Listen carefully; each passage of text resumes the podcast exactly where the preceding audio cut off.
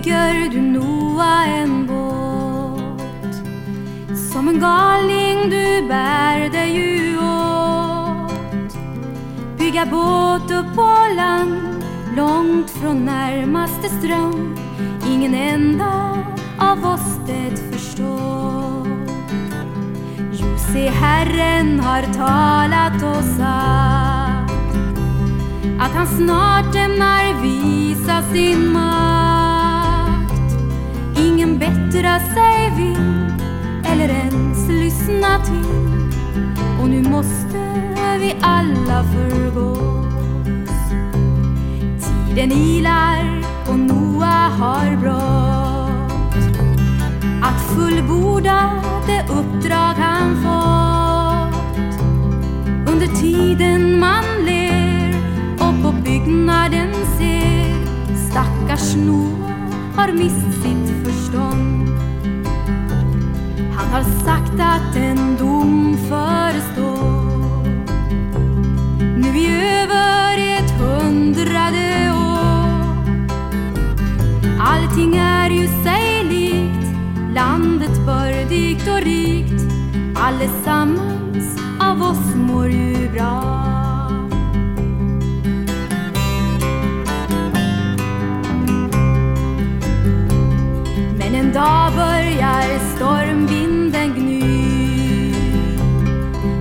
Väster vid mörknande sky. Nu ses Noa gå in ut i byggnaden sin Jehova sluter dörren själv till. Man dock skämtar och ler liksom förr och man rycker i gudsmannens dörr. Noa kom till oss ut, detta regn tar nog slut.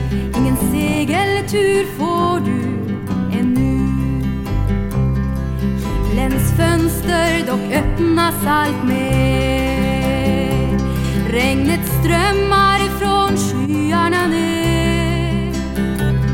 Månne Noa haft rätt är väl detta det sätt varpå alla vi måste förgås. Svaret kommer från allmaktens Gud. Jag har sänt eder Noa med bud. Men i viljen ej då gamle Noa förstå och nu har ni ert syndamått full. Arken seglar så mäktig och trygg vredgade vågornas rus Den som bor där uti trygg och säker kan bli tills den stannar på Araradsberg.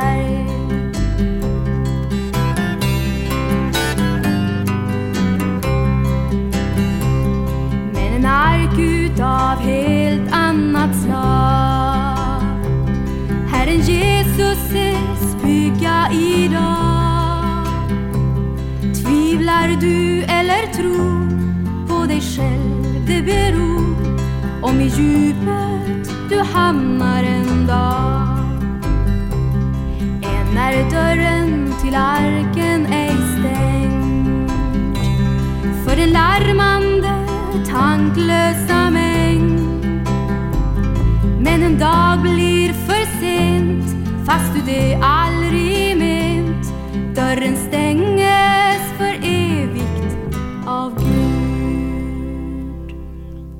Ja, vi hörde Kristina Imsen sjunga eh, sången Varför bygger du Noa en båt? Du är välkommen att vara med här en halvtimme framåt. Vi ska tala lite om Guds ord och jag som talar heter Gertrud Johansson. Jag har eh, några tankar jag skulle vilja dela med mig den här morgonen. Eh, jag har tänkt och rört mig med tanken om Eh, visionen som driver oss som är frälsta. Eh, det är så väldigt viktigt att vi har en himmelsk vision. Eh, Paulus säger i Apostlagärningarna 26 och 19 så säger han så blev jag då, konung Agrippa, icke ohörsam mot den himmelska synen. Han hade mött Jesus och fått en himmelsk vision och han var hörsam mot den, han var lydig den vision han en gång hade tagit emot. Eh, vi som är frälsta kristna, vi kan också få en vision som bär oss när, på vandringen här. Vi vandrar ju som ett folk som är födda ovanifrån, ett eh, himmelskt folk. Eh, vi är födda eh, Eh, och är, tillhör himmelriket. Och då när vi vandrar här så kan vi uppleva många gånger eh, att vi är främlingar här på jorden, men vi har en vision som bär oss. För att eh, komma in på det så skulle jag vilja titta då i Hebreerbrevet 11, det kända kapitlet som handlar om trons folk. Och trons höga visa brukar man kalla Hebreerbrevet 11. Det handlar om människor som genom tron vann seger. Och du och jag kan också genom tron vinna seger i vårt liv. Vi ska titta på vers 7. Det står i Hebreerbrevet 11 eh, och vers 7. Så står det så här. Genom tron var det som Noa, sedan han hade fått uppenbarelse om något som han ännu inte såg, i from förtröstan byggde en ark för att rädda sitt hus. Och genom den blev han värden till dom och fick till arvedel den rättfärdighet som hör tron till.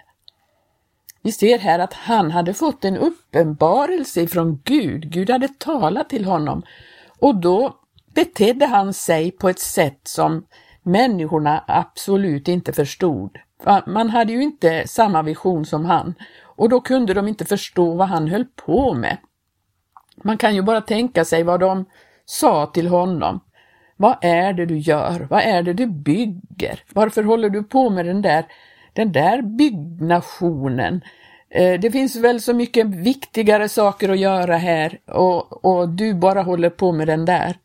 Men han hade fått en uppenbarelse, en vision som gjorde att han byggde och det han gjorde, det var viktigare än allt annat som alla andra människor höll på med, som eh, kunde tycka att de var mycket förståndigare än honom. De kunde tycka att de sysslade ju med någonting som var meningsfullt medan han kastade bort sin kraft och sin, sina resurser på någonting helt meningslöst.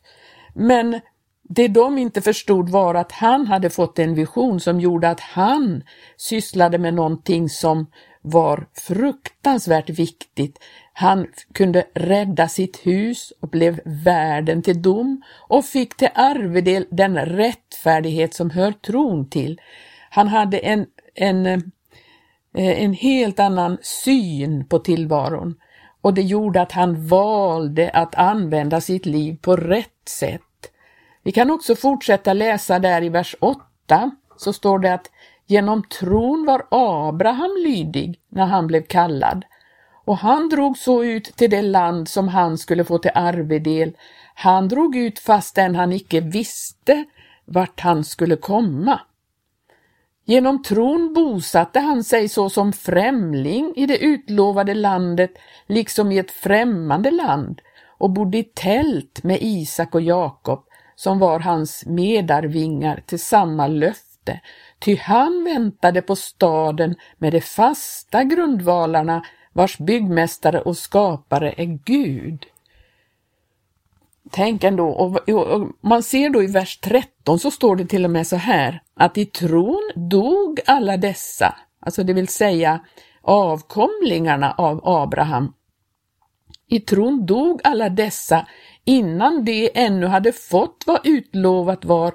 De hade allenast sett det i fjärran och hade hälsat det och bekänt sig vara gäster och främlingar på jorden. Det som så talar giver ju därmed till känna att de söker efter ett fädernes land och om de hade menat det land som de hade gått ut ifrån så hade de haft tillfälle att vända tillbaka dit. Men nu stod deras håg till ett bättre, nämligen det himmelska, Därför blygs inte Gud för att kallas deras Gud, ty han har berett åt dem en stad. Tänk att de hade fått en sån vision att de förstod att det fanns någonting ovan, någonting evigt i det här. Det var inte bara en lekamlig stad här och nu i tiden. Där kan vi se en väldig skillnad på Abraham och Lot. Lot som följde med Abraham. Vi kan läsa om det i första Moseboken. Hur de gick ut. Det står så här i kapitel 12.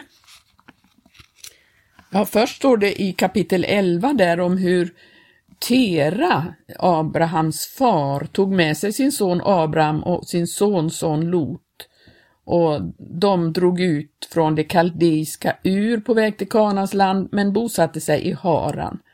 Men sen dog Tera i Haran.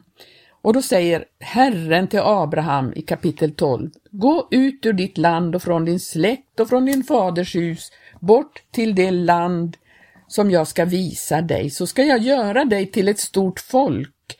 Jag ska välsigna dig och göra ditt namn stort och du ska bli en välsignelse.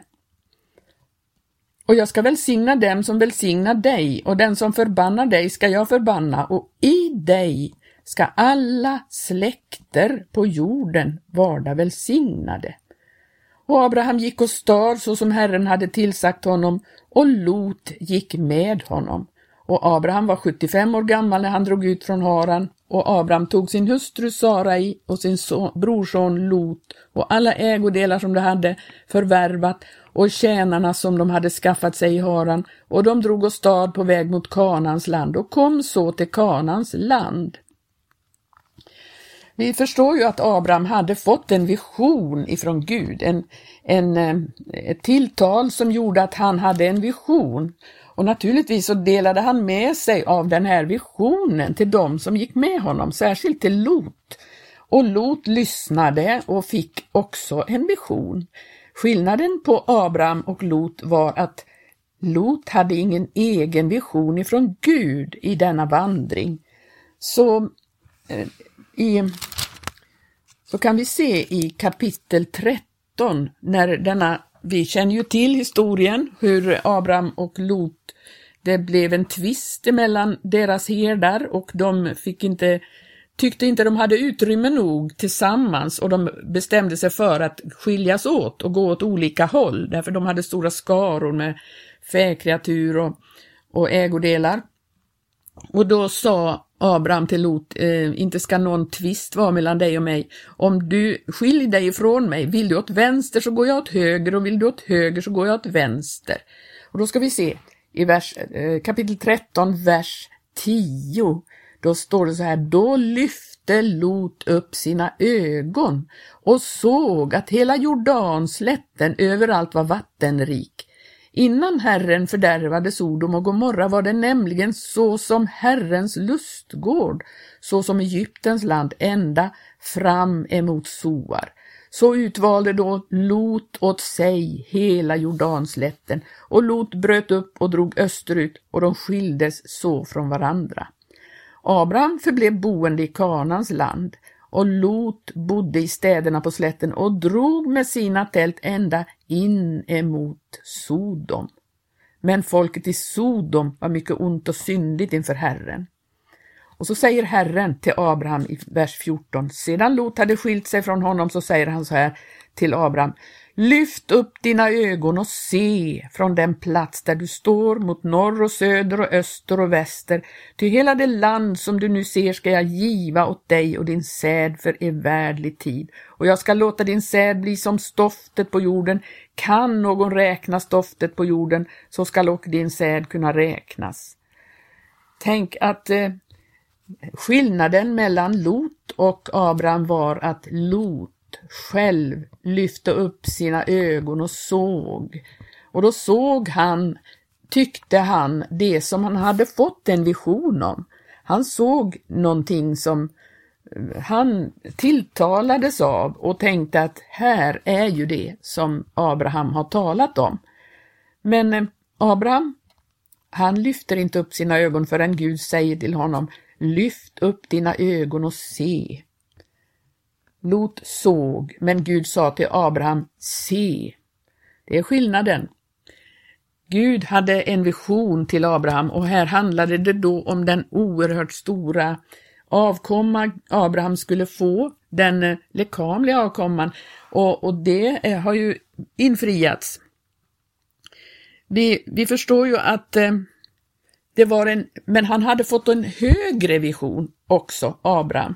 Han hade ju fått en högre vision än ett lekamligt rike här på jorden. För det står ju att han levde i tält. Han fick aldrig här i tiden en sådan eh, fast stad med fasta grundvalar.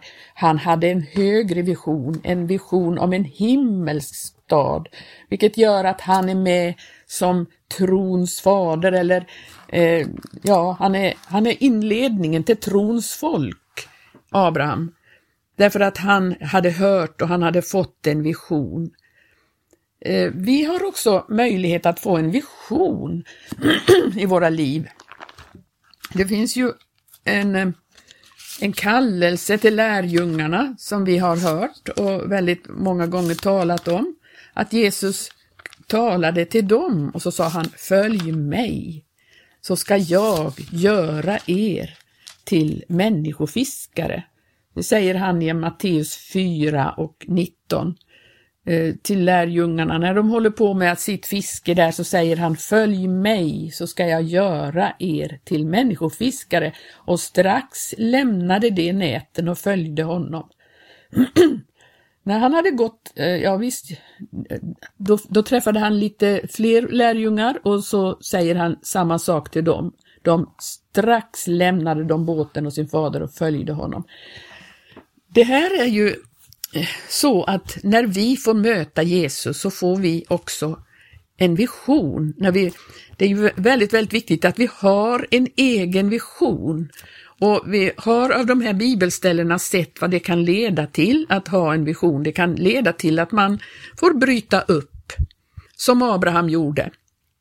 Han bröt upp och gick ur sitt folk och sitt land och sin släkt och så drog han iväg till ett land där han inte visste vart han skulle komma ens. Men där säger Gud, detta land ska jag ge till dig och din släkt.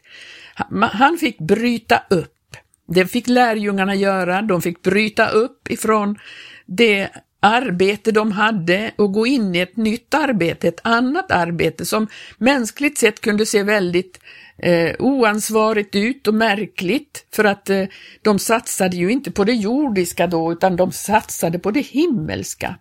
Det kan innebära att man måste bygga på någonting som inte Eh, mänskligt sett ser ut att leda till någonting.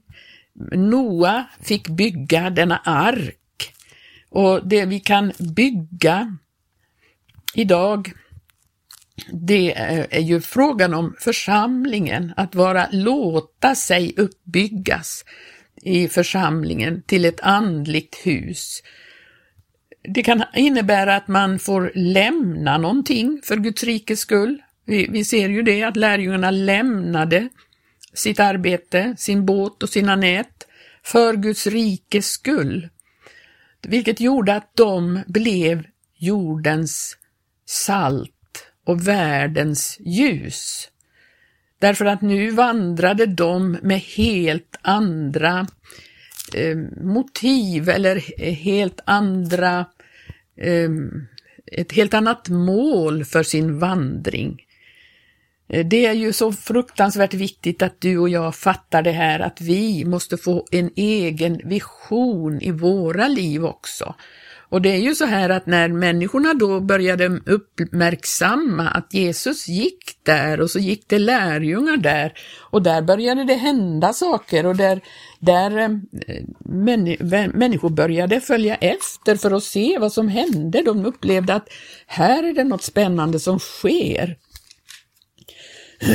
och ville gärna se, man ville gärna vara med på att eh, eh ja, de, de upplevde här händer det spännande saker och, och började följa i stora skaror efter eh, dessa lärjungar och Jesus när de vandrade där.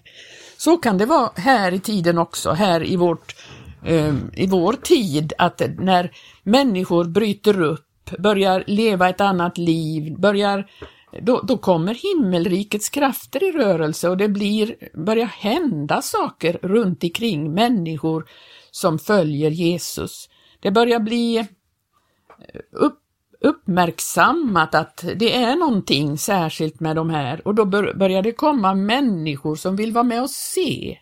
Människor som vill titta på. När jag var ung så stötte jag på Eh, någon som förkunnade och sa så här att det finns tre sorters människor. Det finns antingen bejublare, eller så finns det belackare, eller så finns det bärare.